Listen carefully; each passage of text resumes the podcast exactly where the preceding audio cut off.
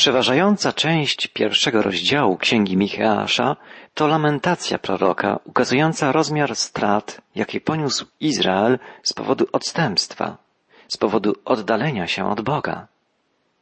Od ósmego wiersza pierwszego rozdziału Księgi Micheasza czytamy Przeto zawodzić będę i lamentować, chodzić boso i nago, jak szakale uczynię zawodzenie i lament jak strusie. Zawodzenie, lamentowanie, chodzenie boso należało do ceremoniału żałoby. Tak wyrażano w Izraelu żal po stracie najbliższych, albo żałobę z powodu szczególnie tragicznych, smutnych wydarzeń. Czytamy na przykład w drugiej księdze Samuela, że Dawid, gdy musiał uchodzić z Jerozolimy z powodu buntu syna Absaloma, głośno wyrażał swój smutek. Dawid wstąpił na górę oliwną i płakał, wstępując na nią, a głowę miał nakrytą i szedł boso. Michasz porównuje lament i żałobne biadanie do wycia szakali i do lamentu strusia. Myślę, że wielu z nas, jeśli nie w naturze, to na filmach, słyszało wycie wilka, szakala czy hieny. Natomiast zapewne niewielu z nas słyszało lament strusia.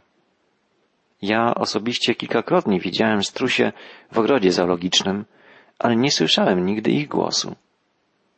Jeden z przyjaciół opowiedział mi jednak, że zwiedzając zoo przed kilku laty usłyszał niezwykle przejmujący, bardzo smutny i przeszywający na wskroś dźwięk. Zastanawiał się, jakie zwierzę może wydawać taki odgłos.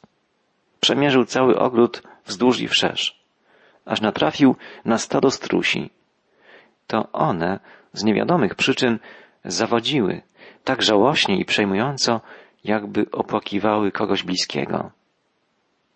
Prorok Michał woła, jak szakale uczynią zawodzenie i lament jak strusie. Dlaczego Boży prorok wypowiada tak smutne, wręcz żałobne słowa? Dlatego, że zapowiada Boży sąd nad narodem wybranym.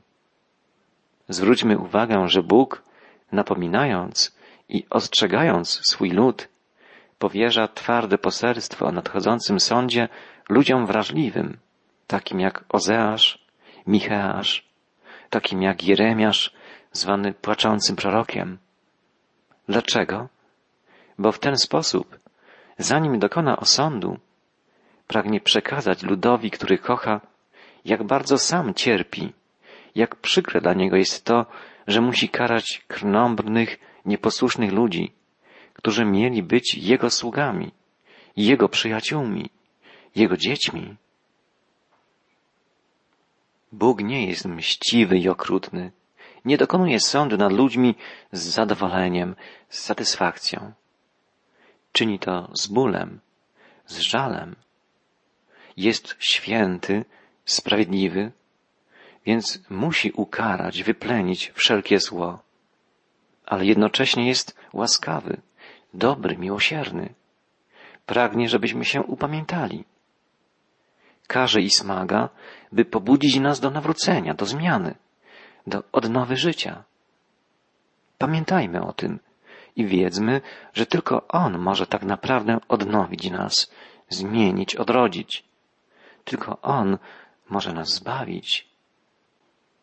Spójrzmy, co Bóg zapowiada odnośnie Samarii, stolicy północnego królestwa izraelskiego. Prorok Micheasz woła. Rana jej jest nieuleczalna. Ach, rana dochodzi aż do Judy, dosięga bramy mego ludu, aż do Jeruzalem. Jej rana jest nieuleczalna. Samaria, która symbolizuje tu całe północne królestwo izraelskie, stoi w obliczu upadku, całkowitej klęski. Lud izraelski przekroczył niewidzialną linię nieposłuszeństwa, odstępstwa, linię, spoza której już nie ma odwrotu. Ludzie tak daleko odeszli od Boga, tak bardzo przywykli do grzechu, że muszą zostać surowo ukarani, osądzeni. Rana jej jest nieuleczalna. Stali się ślepi i głusi, nie chcą słuchać Boga. Pozostał dla nich jedynie sąd. Słowa proroka są wstrząsające. Tym bardziej, gdy uświadomimy sobie, że nie odnoszą się tylko do Izraela, ale do każdego narodu, który oddala się od Boga. Pomyślmy o naszym kraju, o naszym narodzie. Czy nasze społeczeństwo słucha Boga? Czy nasłuchuje Bożego głosu? Czy nasz naród zna Boże Słowo? Czy jesteśmy posłuszni? Czy stosujemy się do Bożych wskazań w życiu na co dzień, w życiu rodzinnym, w pracy, przy podejmowaniu wszelkich decyzji? Czy słuchamy Bożego Słowa i czy stosujemy się do prawdy objawionej nam przez jedynego prawdziwego, żywego Boga? Rana dochodzi aż do Judy, dosięga bram Jerozolimy, woła prorok. Armia asyryjska pod dowództwem Senachelyba podbije całe północne królestwo, dotrze aż pod mury obronne Jerozolimy. Asyryjczycy staną się narzędziem sądu w ręku Boga. Pan ukaże Izraelitów za ich nieposłuszeństwo, za ich krnąbrność, odstępstwo. Asyryjczycy dotrą aż pod Jerozolimę i będą się szykować do oblężenia miasta, ale Bóg zatrzyma ich, zmusi do odwrotu. Dlaczego tak się stało? Bo na tronie w Jerozolimie zasiadał wtedy bogobojny król judzki Hiskiarz. Bóg pośle do niego swego proroka Izajasza, by przekazać mu poselstwo, że inwazja Asyrii to dla Jerozolimy tylko ostrzeżenie. Los Samarii i całego północnego Izraela powinien uświadomić Jerozolimie potrzebę upamiętania się, zerwania z grzechem. Czy tak się stanie? Tak, na jakiś czas, idąc za przykładem swego króla, wezwani przez proroka Izajasza, Judejczycy zwrócą się ku Bogu i ocaleją. Ale nadejdzie dzień, gdy Bóg będzie musiał dokonać sądu także nad Jerozolimą, dlatego że lud judzki nie dochowa Panu wierności. Półtora wieku później osądzona zostanie nieposłuszna Jerozolima, podbita zostanie przez wojska babilońskie. Jednak teraz, dzięki działaniu proroków Izajasza i Micheasza, dzięki bogobojnej postawie króla Hiskiasza, dzięki upamiętaniu się całego ludu ludzkiego, Królestwo Południowe nie podzieli smutnego losu północnego Izraela. Spójrzmy przez chwilę do ksiąg królewskich, gdzie opisane są wydarzenia, które zapowiedzieli Izajasz i Micheasz, a które dokonały się jeszcze za ich dni, bo obaj działali nadal za panowania króla Hiskiasza. Historia, zapisana w drugiej księdze królewskiej, pomoże nam zrozumieć lepiej tło proroctw Micheasza. Ukaże nam też istotę upamiętania, duchowego przebudzenia, które stało się udziałem ludu judzkiego, a którego zabrakło wśród północnych plemion izraelskich. Po podbiciu przez Asyrię północnego Izraela sytuacja królestwa Judy stała się dramatyczna. Oczywiste było, że potężna Asyria będzie kontynuować swoją ekspansję na południe. I rzeczywiście wkrótce król asyryjski, Senacheryb, najechał na Judę. Wysłał pod Jerozolimę potężną armię i zażądał poddania miasta i całego państwa. Król judzki, Ezechiasz, usłyszawszy żądania Asyryjczyków, poszedł do świątyni pańskiej, by się modlić, a potem posłał swoje sługi do proroka Izajasza. Prorok przekazał królowi słowa Pana. Nie bój się słów, które usłyszałeś, a którymi słudzy króla asyryjskiego bluźnili mi. Oto ja spowoduję w nim takie usposobienie, że na wiadomość, którą usłyszy, wróci do swego kraju i sprawię, że w swoim kraju padnie od miecza. To proroctwo Izajasza uspokoiło króla Judy Ezechiasza, zwanego też Hiskiaszem. Tymczasem Asyryjczycy musieli wycofać się z Judy, bo zaatakował ich niespodziewanie król Kusz. Senacheryb posłał jednak Ezechiaszowi list z zapewnieniem, że wkrótce powróci i że nic nie powstrzyma go przed zajęciem Jerozolimy.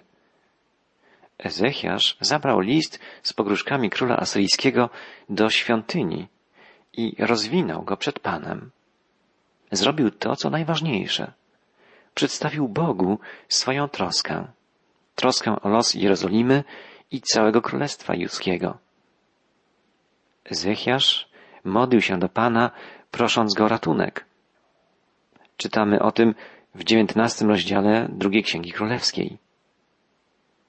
Ezechiasz wziął list z rąk posłów i przeczytał go. Następnie poszedł do świątyni pańskiej i rozwinął go przed Panem. I zanosił modły Ezechiasz przed obliczem pańskim, mówiąc, Panie, Boże Izraela, który zasiadasz na cherubach, Boże Izraela, Ty sam jesteś Bogiem wszystkich królestw świata. Tyś uczynił niebo i ziemię. Nakłoń, Panie, Twego ucha i usłysz. Otwórz, Panie, Twoje oczy i popatrz. Słuchaj słów Senacheryba, który przesłał, by znieważyć Ciebie, Boga żywego. Ezechiasz gorliwie woła do Pana. Wyznaje swoją wiarę, wiarę w to, że Bóg ma w swoim ręku losy nie tylko Judy, ale losy wszystkich narodów. To prawda, o Panie, że królowie asyryjscy wyniszczyli narody i ich kraje. W ogień wrzucili ich bogów, bo ci nie byli bogami, lecz tylko dziełem rąk ludzkich, z drzewa i z kamienia, więc ich zniszczyli. Teraz więc, Panie, Boże nasz, wybaw nas z Jego ręki i niech wiedzą wszystkie królestwa ziemi, że Ty sam jesteś Bogiem. Jak gorąca i pełna wiary jest ta modlitwa. Czy my modlimy się podobnie? Na taką żarliwą, pełną wiary modlitwę Bóg odpowiada w niezwykły sposób. Przeczytajmy dwudziesty wiersz dziewiętnastego rozdziału drugiej Księgi Królewskiej. Wówczas Izajasz, syn Amosa, posłał Ezechiaszowi oświadczenie. Tak mówi Pan, Bóg Izraela. Wysłuchałem tego, o co modliłeś się do mnie w sprawie Senacheryba, króla Asyrii. Pan zapewnił Ezechiasza, słuchałem, kiedy się modliłeś. I teraz daję ci odpowiedź odnośnie losów twego wroga, Senacheryba.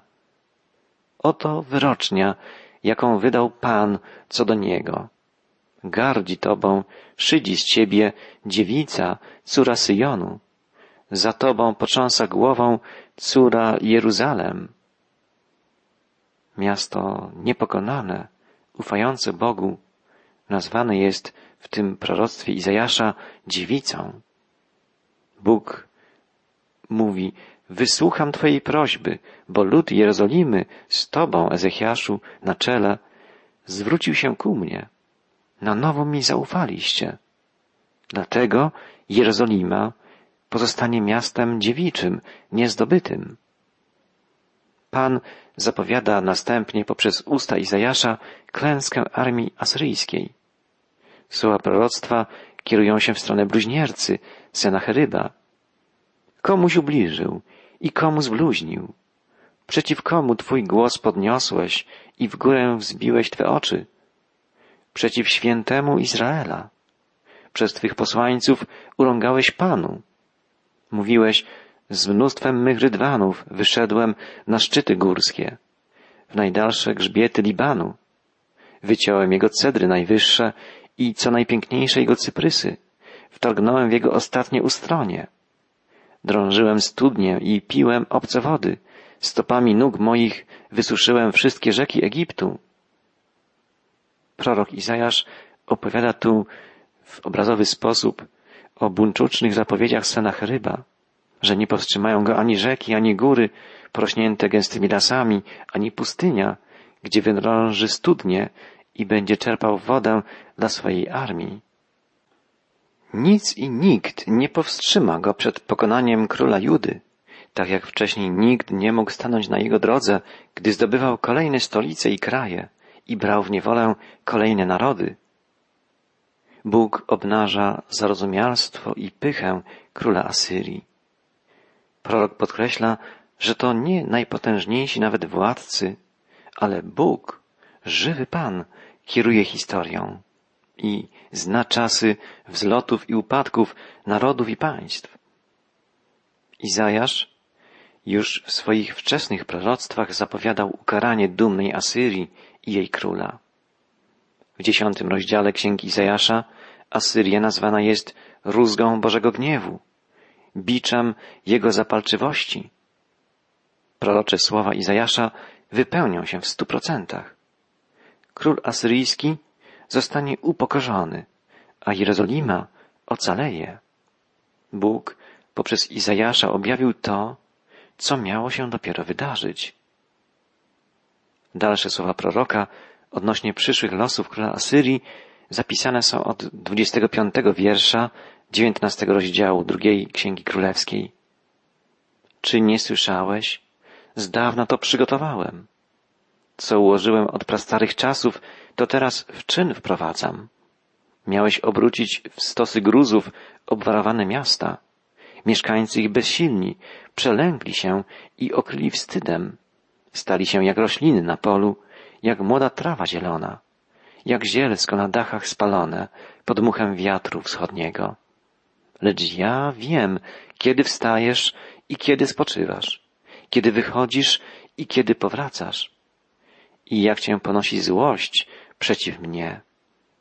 Ponieważ cię złość ponosi przeciw mnie i twa zuchwałość doszła do moich uszu, przeto ci w nozdrza założę moje kółka i moje wędzidło na wargi, żeby zmusić cię do odwrotu, drogą, którą przybyłeś. Bóg sam przez usta proroka zapowiada, ponieważ przyszedłeś tutaj, do kraju mojego ludu, pyszniłeś się i bluźniłeś przeciwko mnie, założę ci wędzidło, jak zwierzęciu, i odprowadzę cię z powrotem do twego kraju. Wiem, że ponosi cię gniew przeciwko mnie, tak jak wiem, kiedy wstajesz i spoczywasz, kiedy wychodzisz i powracasz. Twój los jest w moich rękach. Czy tego nie wiesz? Te słowa Izajasz w imieniu Pana skierował w stronę Senachryba, króla Asyrii, a potem prorok zwrócił się do króla Judy, Ezechiasza. To niechaj ci posłuży jako znak. W tym roku żywcie się ziarnem pozostawionym po zbiorze. Na przyszły rok następnym tym, co samo obrodzi. Ale na trzeci rok siejcie i zbierajcie, zakładajcie winnice i jedzcie ich owoce. Znakiem wierności Pana ma być dla Ezechiasza to, że mimo iż Izraelici nie mogli uprawiać ziemi z powodu najazdów Asyryjczyków przez kilka lat, w królestwie Judy nie zabraknie pożywienia. I tak się stało. Wojska asyryjskie nie były w stanie zagłodzić Izraelitów. Dziesięć północnych plemion izraelskich zostało wziętych do asyryjskiej niewoli, ale pozostałe w Judzie dwa pokolenia południowe ocalały. Reszta ocalałych z domu Judy ponownie zapuści w głąb korzenie i w górze wyda owoce, prorokuje Izajasz. Albowiem z Jeruzalem wyjdzie reszta i z góry Syjon garstka ocalałych. Zazdrosna miłość Pana zastępów tego dokona. Dlatego tak mówi Pan o królu asyryjskim. Nie wejdzie on do tego miasta, ani nie wypuści tam strzały, nie nastawi przeciw niemu tarczy, ani nie usypie przeciwko niemu wału. Drogą, tą samą, którą przybył, powróci, a do miasta tego nie wejdzie.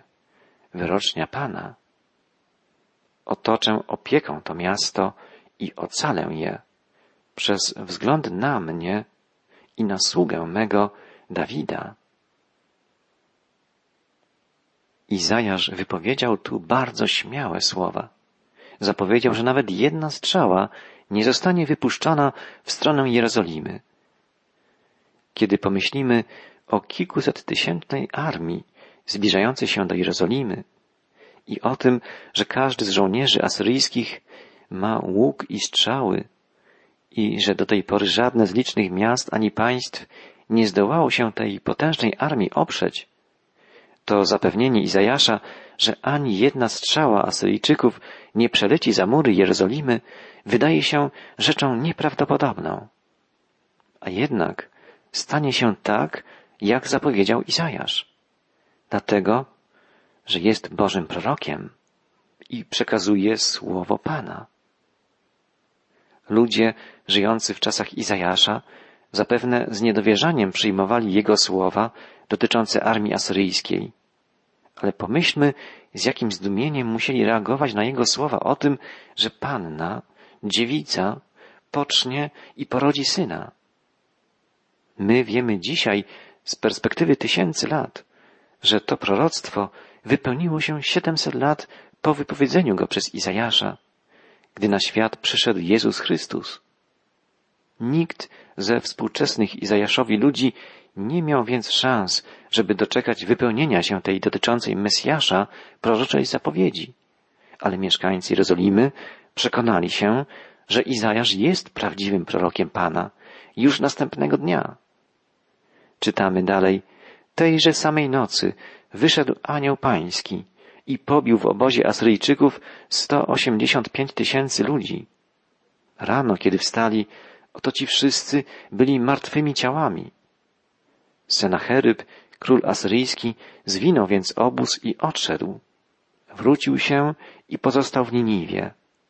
A gdy oddawał pokłon w świątyni swego Boga Nisroka, synowie jego, Adramelek i Sareser, zabili go mieczem. Izajasz zapowiedział, że Senacheryb odejdzie tą samą drogą, którą przyszedł. I rzeczywiście przyszedł z Niniwy i do Niniwy powrócił. Bóg ocalił Jerozolimę. Zgodnie ze słowami otoczę opieką miasto i ocalę je przez wzgląd na mnie i na sługę mego Dawida. Pan uchronił Jerozolimę ze względu na siebie, na swoje imię. Okazał się wiernym względem swego ludu. Uczynił to także ze względu na Dawida. Dawid kochał Jerozolimę, a Bóg kochał Dawida. Wiele lat później wielki syn Dawida, narodzony z dziewicy, Jezus Chrystus, przyszedł na świat, by zbawić całą ludzkość. Król asyryjski Senacheryb wycofał się spod Jerozolimy, gdy anioł pański pobił w jego obozie 185 tysięcy ludzi. Udał się do Niniwy, gdzie dopełniła się reszta proroctwa Izajasza. Został zabity przez swoich własnych synów. Proroctwo Izajasza dotyczące króla Asyrii wypełniło się w sposób dosłowny. Czy Bóg jest takim samym Bogiem dzisiaj, jak za czasów Ezechiasza, Izajasza, Micheasza? Tak. Bóg czeka na nasze modlitwy. Pragnie, byśmy ratunku szukali u Niego. Nie bądźmy nieposłuszni, krnąbrni. Zwróćmy się ku Bogu. Wołajmy do Pana, a On będzie nas błogosławił.